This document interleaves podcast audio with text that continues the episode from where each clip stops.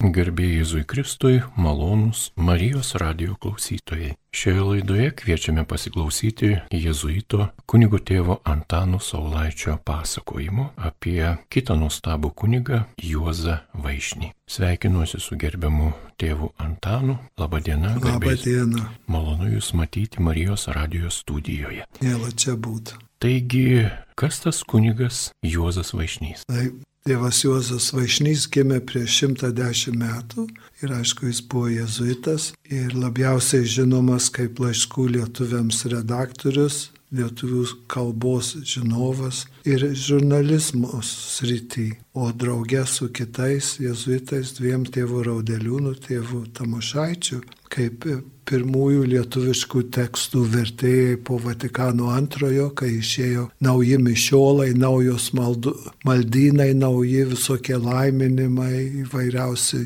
kiti dalykai, kurie buvo seniau lotyniškai, o dabar visom kalbom. Tai kadangi gyveno užsienį, laisvai priejo prie ir šaltinių ir viso kito, tai ėmė ta, ėmėsi to didžio darbo lietuviškai kalbantiem parūpinti mišiolą ir kitus dalykus. Ar tie tekstai labai skiriasi nuo, nuo tų, kuriuos mes dabar naudojame? Tie lotiniškieji?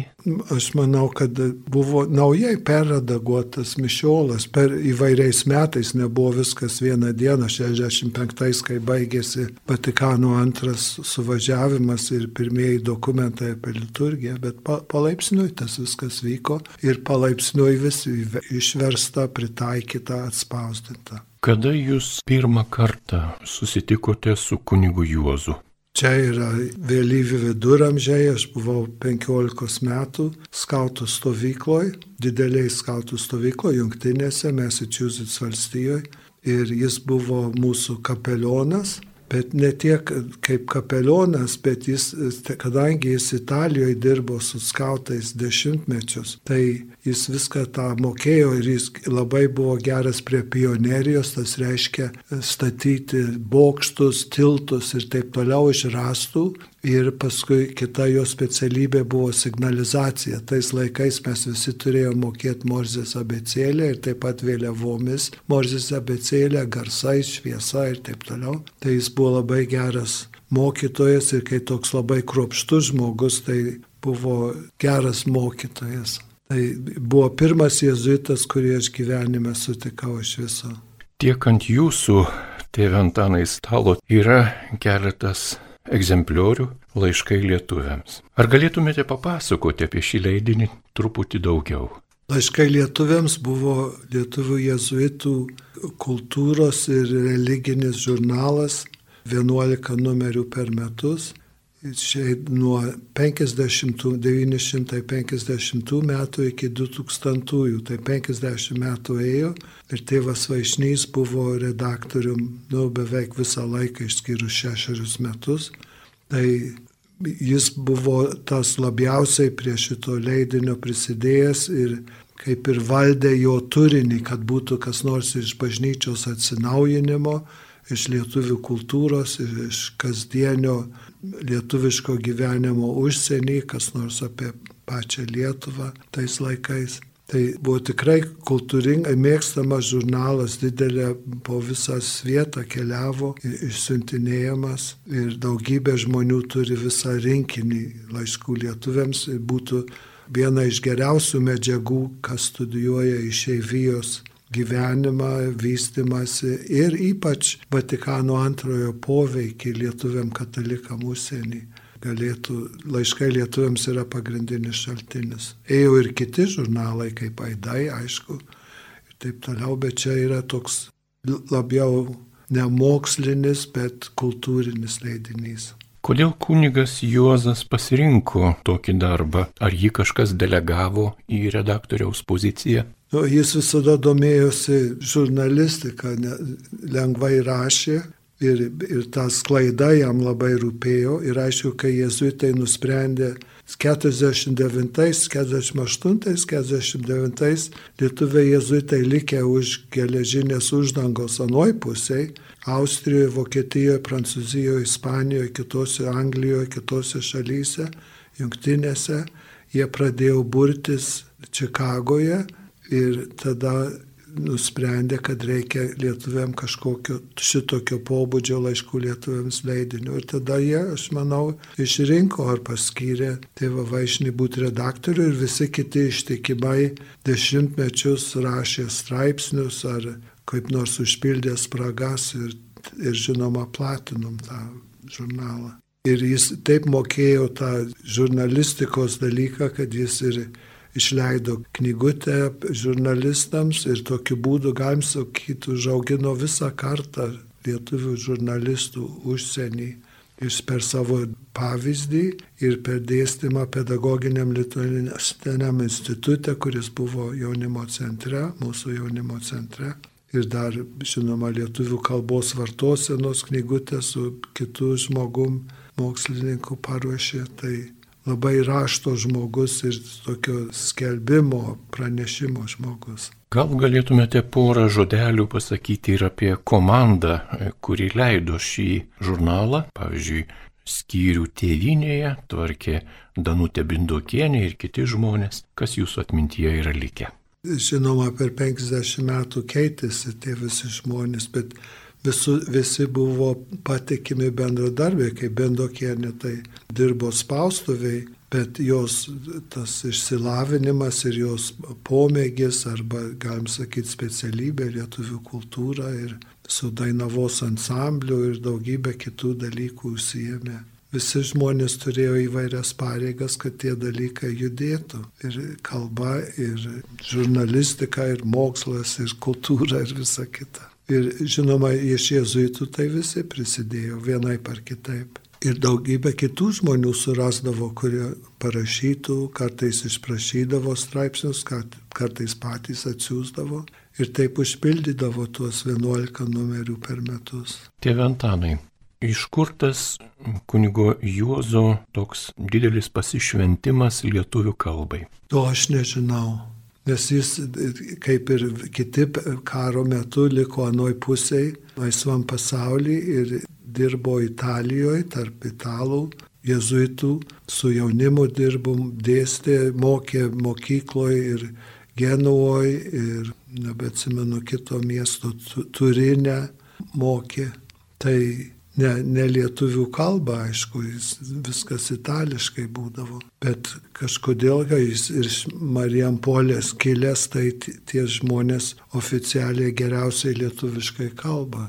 Ne taip kaip aš, kuris gimęs Kaune ir užaugęs kitur. Tęsime pažinti su kunigu Juozu Vaišniu ir apie jį pasakoja tėvas Jėzuitas Antanas Saulaitis. Įkalbina Liutauras Serapinas. Koks jo indėlis yra į bažnyčios gyvavimą visame pasaulyje ir jungtinėse ir Lietuvoje, jeigu kalbame apie okupuotą Lietuvą? Tai vis didžiausias darbas, man atrodo, kiti gali geriau kaip nors pasakyti, bet buvo Mišiolo ir tų kitų bažnytinių knygų vertimai ir skaitinių knygos pirmos užsienį ir mišiolas jau pagal atnaujintą ir nuolat atnaujinamą liturgiją buvo kelios laidos. Tai ir jis kaip ir vadovavo tam visam kalbos dalykui, o kiti irgi prisidėjo, jie dažnai tardavosi savo tarpę, kaip geriau pasakyti, kokį žodį panaudoti. Ir taip, kaip paminėjau jau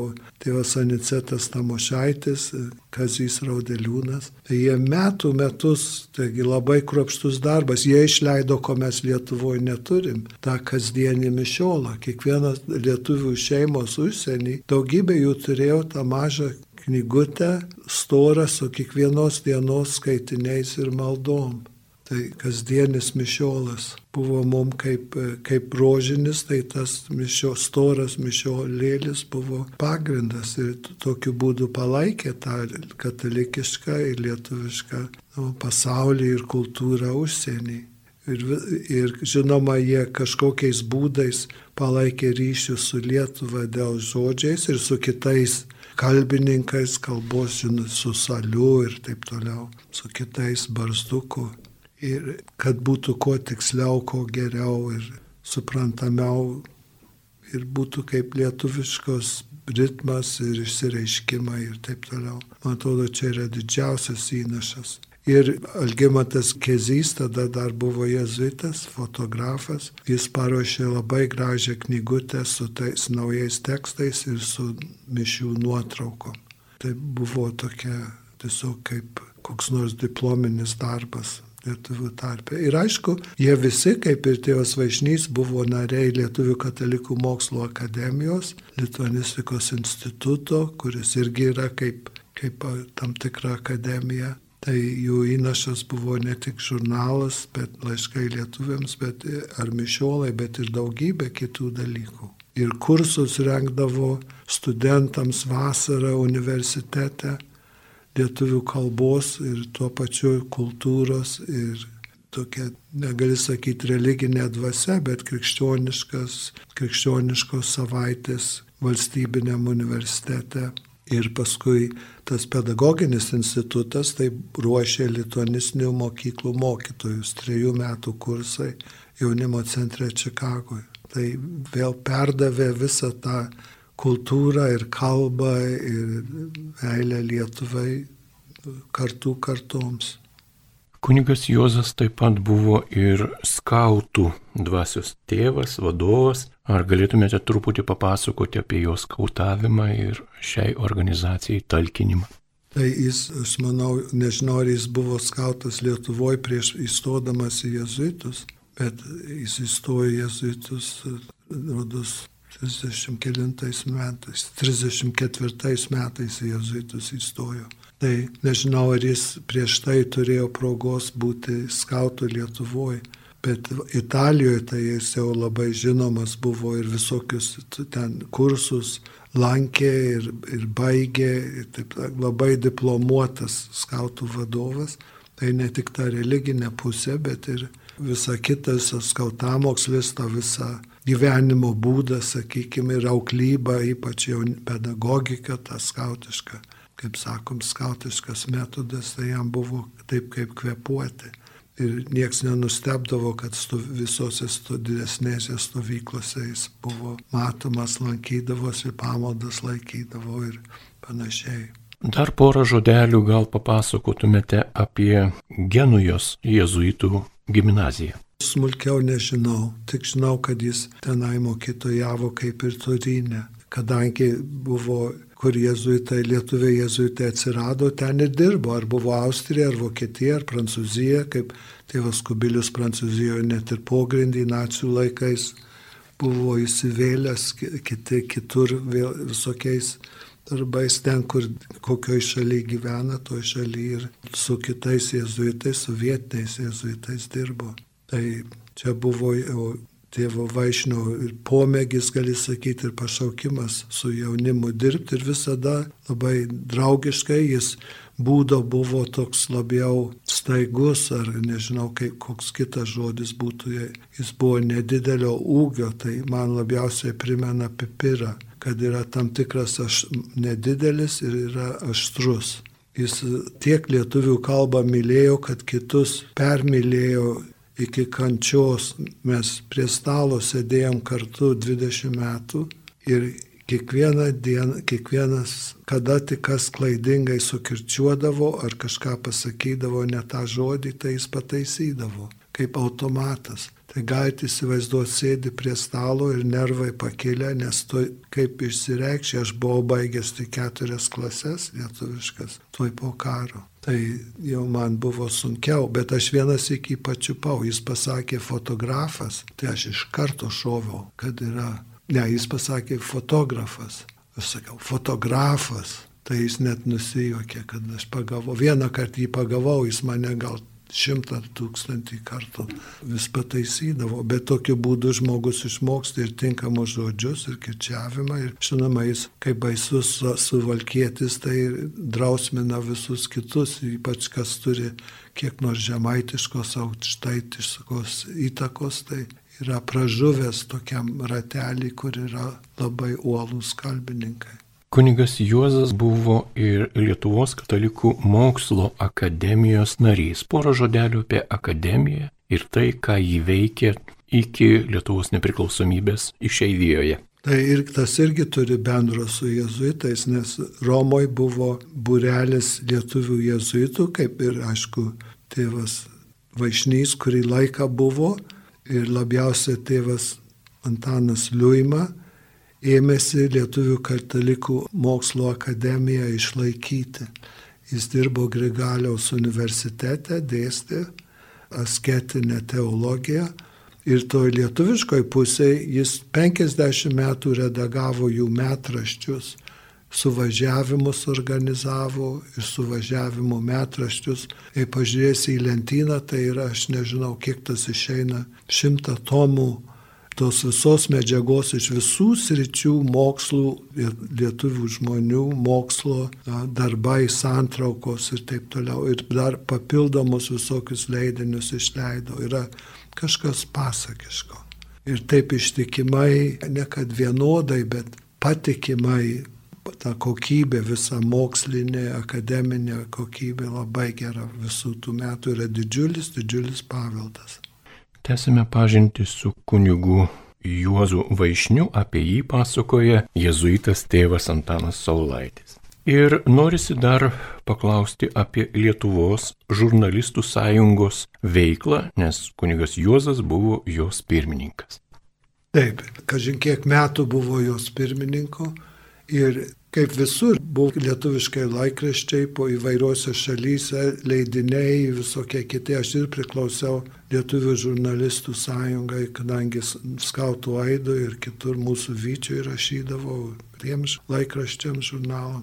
Tai jis labiausiai paveikė jaunąją kartą, kad, kaip sakau, išleido vadovėlį žurnalistams. Ir ne tik tai kalbą žiūrėjo, bet iš viso, kas yra žurnalizmas ir kaip rašyti ir, žodžiu, mokė žurnalistiką netiesioginiais būdais, ne universitete, ne kur nors kitur, bet kitais būdais mokė studentus ir kitus žmonės, kurie bendravo per tas visas draugijas, vasaros kursus, mokytojų susitikimus ir taip toliau.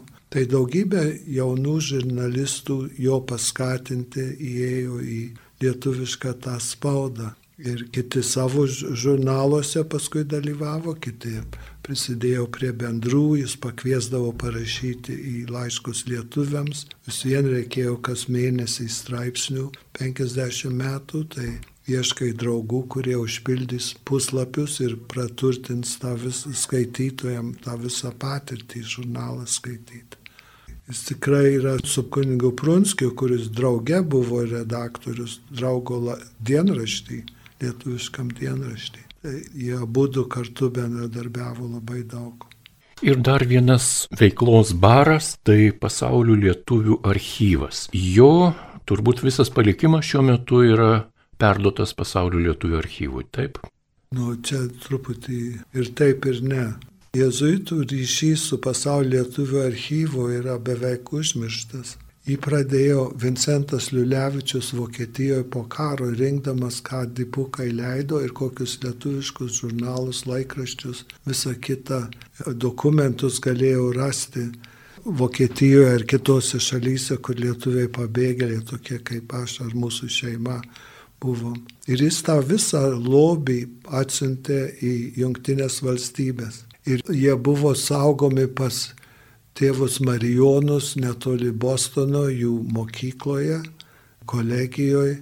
Seserys Kazimierietės globojo ir paskui maždaug 70 metais ar kažkada nebebuvo kas globotų. Tai jezuitai tą pasaulio lietuvių archyvą priglaudė vieno namelį, kurį turėjo Čikagoje šalia jaunimo centro ir savo koplyčios ir savo namų o paskui pristatė 72 metais, pristatė du aukštus jaunimo centre, kad sutilptų pasaulio lietuvių archyvas, į kurį vis plaukdavo daugiau medžiagos, ne tik ta, kuri Vokietijoje surinkta.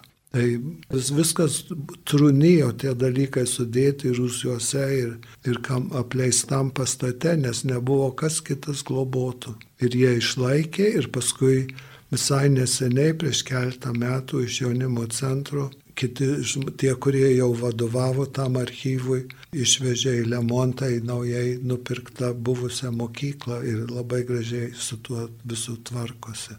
Tai pagal mane yra čia didžiulis dalykas, nes pasaulio lietuvių archyvų rūpinosi lietuvių bendruomenė ir visada turėjo savo atstovą tam, kaip ir komitete, kuris rūpinosi tuo buvo ir rašytojų atstovas, ir paskui lietuvių bendruomenės atstovas, jezuitų atstovas. Ir jie buvo tie globėjai dešimtmečius to pasaulio lietuvių archyvų. Paskui Jonas Račkauskas pamažu perėmė ir tada jo, galim sakyti, mokiniai, jo studentai dabar vadovauja.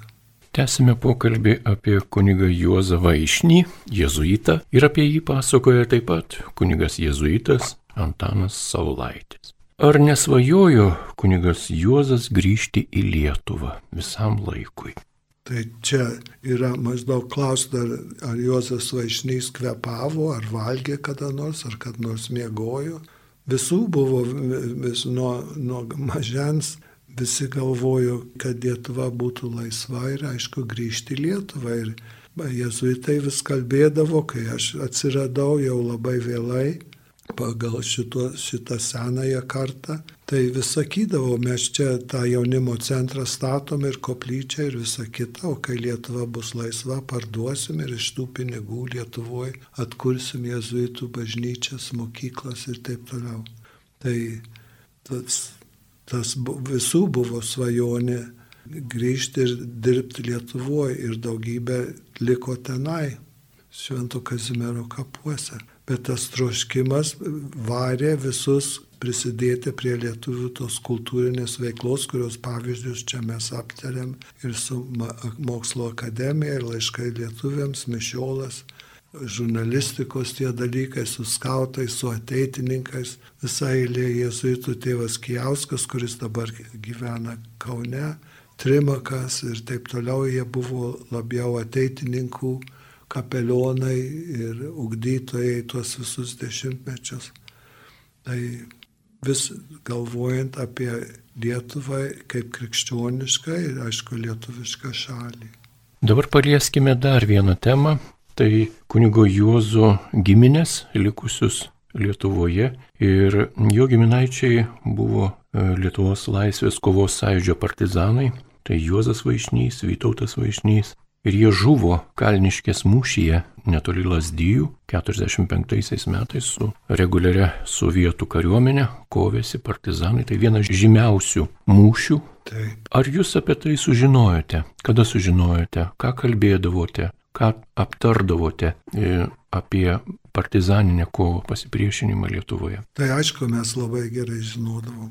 Mes skautų stovyklose, tos, kur lietuviam priklausė, ir priklauso šiandieną, visada turėdavom per stovyklą partizanų kapą, netikrą padarydavom žemę, supildavom ir antkapį kokį nors gėlyčių ir paskui tevinės vakarą, lietuvišką tą vakarą uždėdavom vėliavą ir gėdodavom Lietuvą brangiai ir visa kita, kas priklauso prie tokio minėjimo. Ir mums buvo gan smulkiai žinoma ir tos visos kovos ir pavardės ir taip toliau.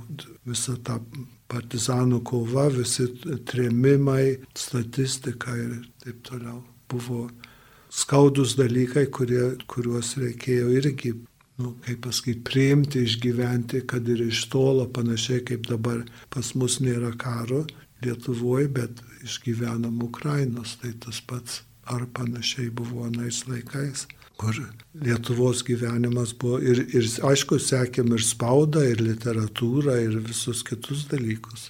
Be ryšio su Lietuva tai išeivyje ir labai sunku būtų. Ir tesdami pokalbį apie Juozą, kunigą Juozą Vaišnį, norisi dar keletą jo asmeninių bruožų paliesti. Ar jis buvo linksmas žmogus? Gal teko girdėti apie jo pomėgį šokiams? Turbūt aš girdėjau, bet man neįstrigo tas jis man labiau kaip toks pokštininkas, kur mielai ką nors aštraus apie kitą žmogų ar kitam žmogui pasakydavo ar pastebėdavo kažką, kas yra kaip įdomu arba svarbu. Jam netruko kalbos nei prie stalo, nei susirinkime, nei niekur kitur. Labai žodžio žmogus ir rašyto, ir, kalbėtų, jo pamokslai būdavo labai rūpestingi, išdirbti, ne taip laisvai kalbant, bet gerai paruošti, kaip rašiniai, galim sakyti. Tai buvo tikrai žodžio žmogus. Ir, sakytum, linksmų plaučių arba sumanių plaučių žmogus.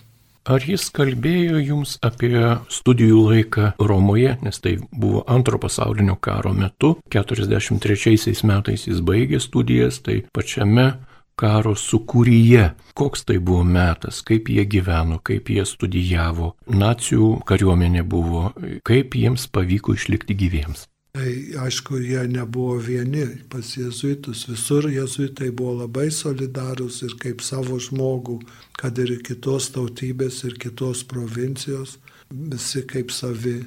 Tai kur be būtų, ar okupuotoje vietoje, ar laisvoje vietoje, visur buvo labai buvo ir tebėra priimami kaip savi, kaip priklauso geroj vienolyjoje. Tai, bet niekada nekalbėjom su juo apie jo mokslus ar ką nors tokio, prileista, kad jis e, mokėsi, aišku, Jėzuitų universitete Gregorianume ir, ir baigė kitaip, nebūtų taip toli nuėjęs. Ar galima kuniga Juozą laikyti Lietuvos šviesuoliu? Kodėl? Tai aš manau, kad iš krikščioniškos pusės, katalikiškos, tas visas darbas su naujais, su liturginiais tekstais po Vatikano antrojo ir iš viso Vatikano antrojo puoselėjimas. Tų visos tos skaitų būtų vienas įnašas, o kitas lietuvių kalbos ugdymas užsienį ar palaikymas, visas tas švietimas tiek metų dėstyti, mokyti, rašyti straipsnius apie kalbą, tai yra milžiniškas dalykas. Retas kalbininkas tą būtų padaręs ir dar visus kitus darbus, kuriuos atliko. Tai aišku, kad šviesuolis. Kaip įamžintas jo palikimas arba jo darbas arba jo meilė Lietuvai, kapai Švento Kazimiero kapinėse, o kas daugiau? Daugiau yra jo palikimas laiškai lietuviams, tie visi komplektai, straipsniai, žurnalistikos, vis vien nėra daug žurnalistikos vadovėlių lietuvių kalba ir ypač prityrusių žurnalistų. Tai aš manau, kad tas būtų ir, ir tą katalikišką kultūrą to 50-mečio nuo 50 iki 2000 metų yra kaip ir atžymėta, yra geriausias paminklas, tas atrinkti tie straipsniai ir jų nuotaika, šviesi nuotaika apie bažnyčią, pasaulį, Lietuvą ir taip toliau.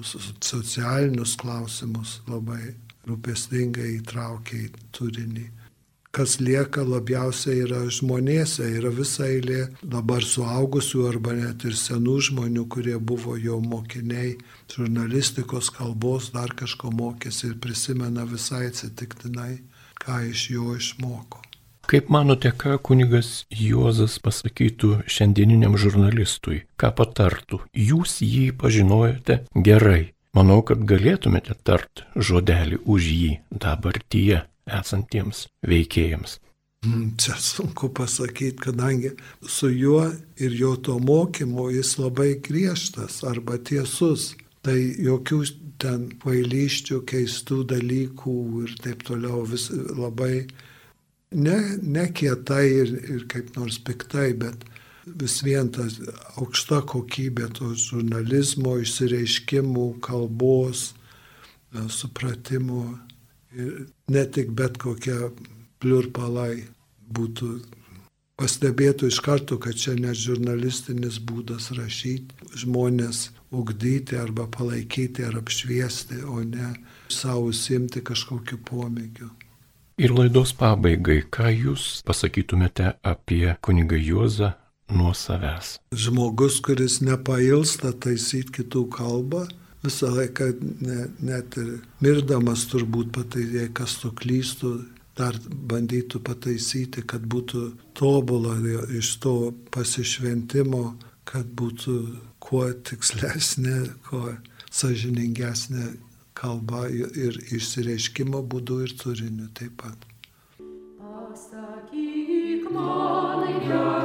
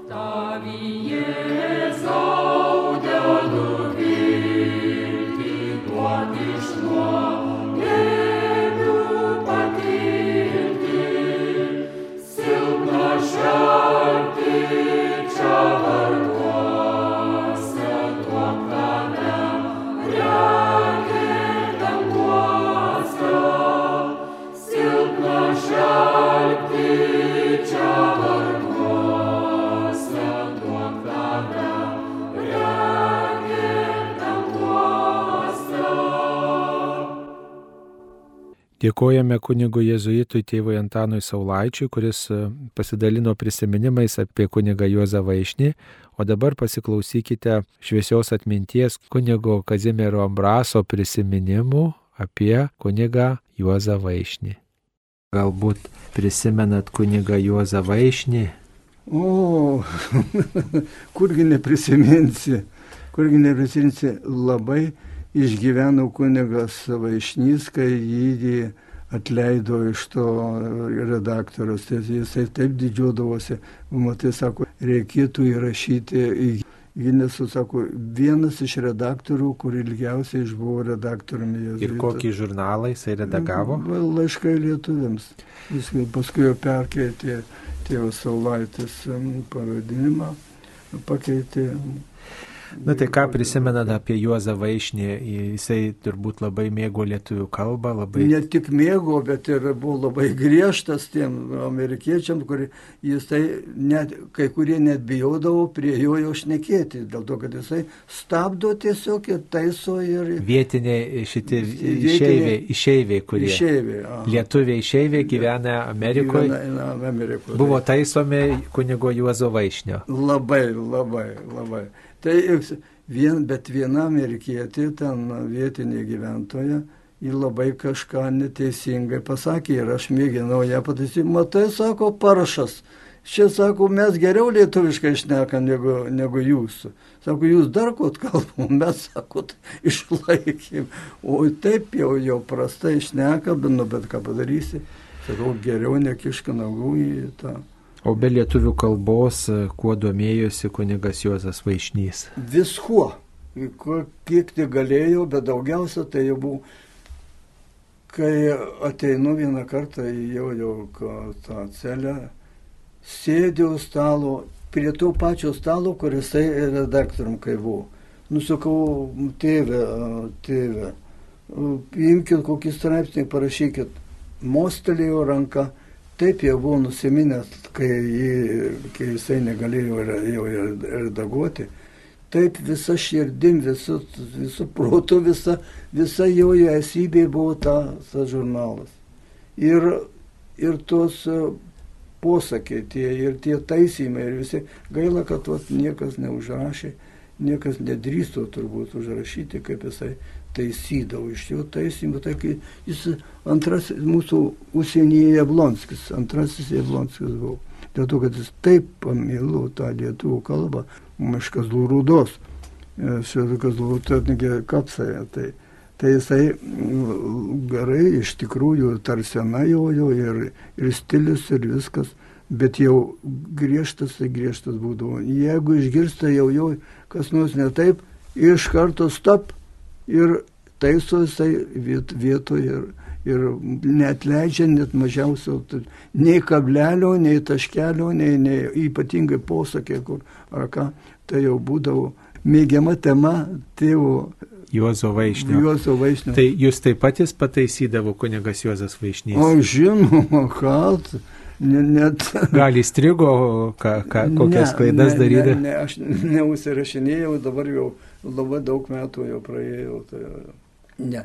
Taip, o be žurnalo, kokius darbus dar jis dirbo, be žurnalo redagavimo, ko, ką nu, dirbo? Straipsnius rašydavau, straipsnius į vietinį, į vietinį draugą ten ir, ir kitus. Ir susitikdavau, susitikdavau su, su svečiais ir svarbiausia tai jo straipsniai. Dėl to, kad jisai kur parašydavo, tai jisai iš karto spausdina savo, savo kūrybą. Bet e, žmogus, kuris nuolat pataiso kalbančius lietuviškai, gali susilaukti nemenkos kritikos ir paprasčiausiai kiti lietuviai, išeiviai lietuviai gali tokio kunigo vengti tiesiog arba nu, vengti kalbėti buvo, prie jo. Buvo visko, buvo visko, bet jisai, bet jisai labai gerą darbą dirbo.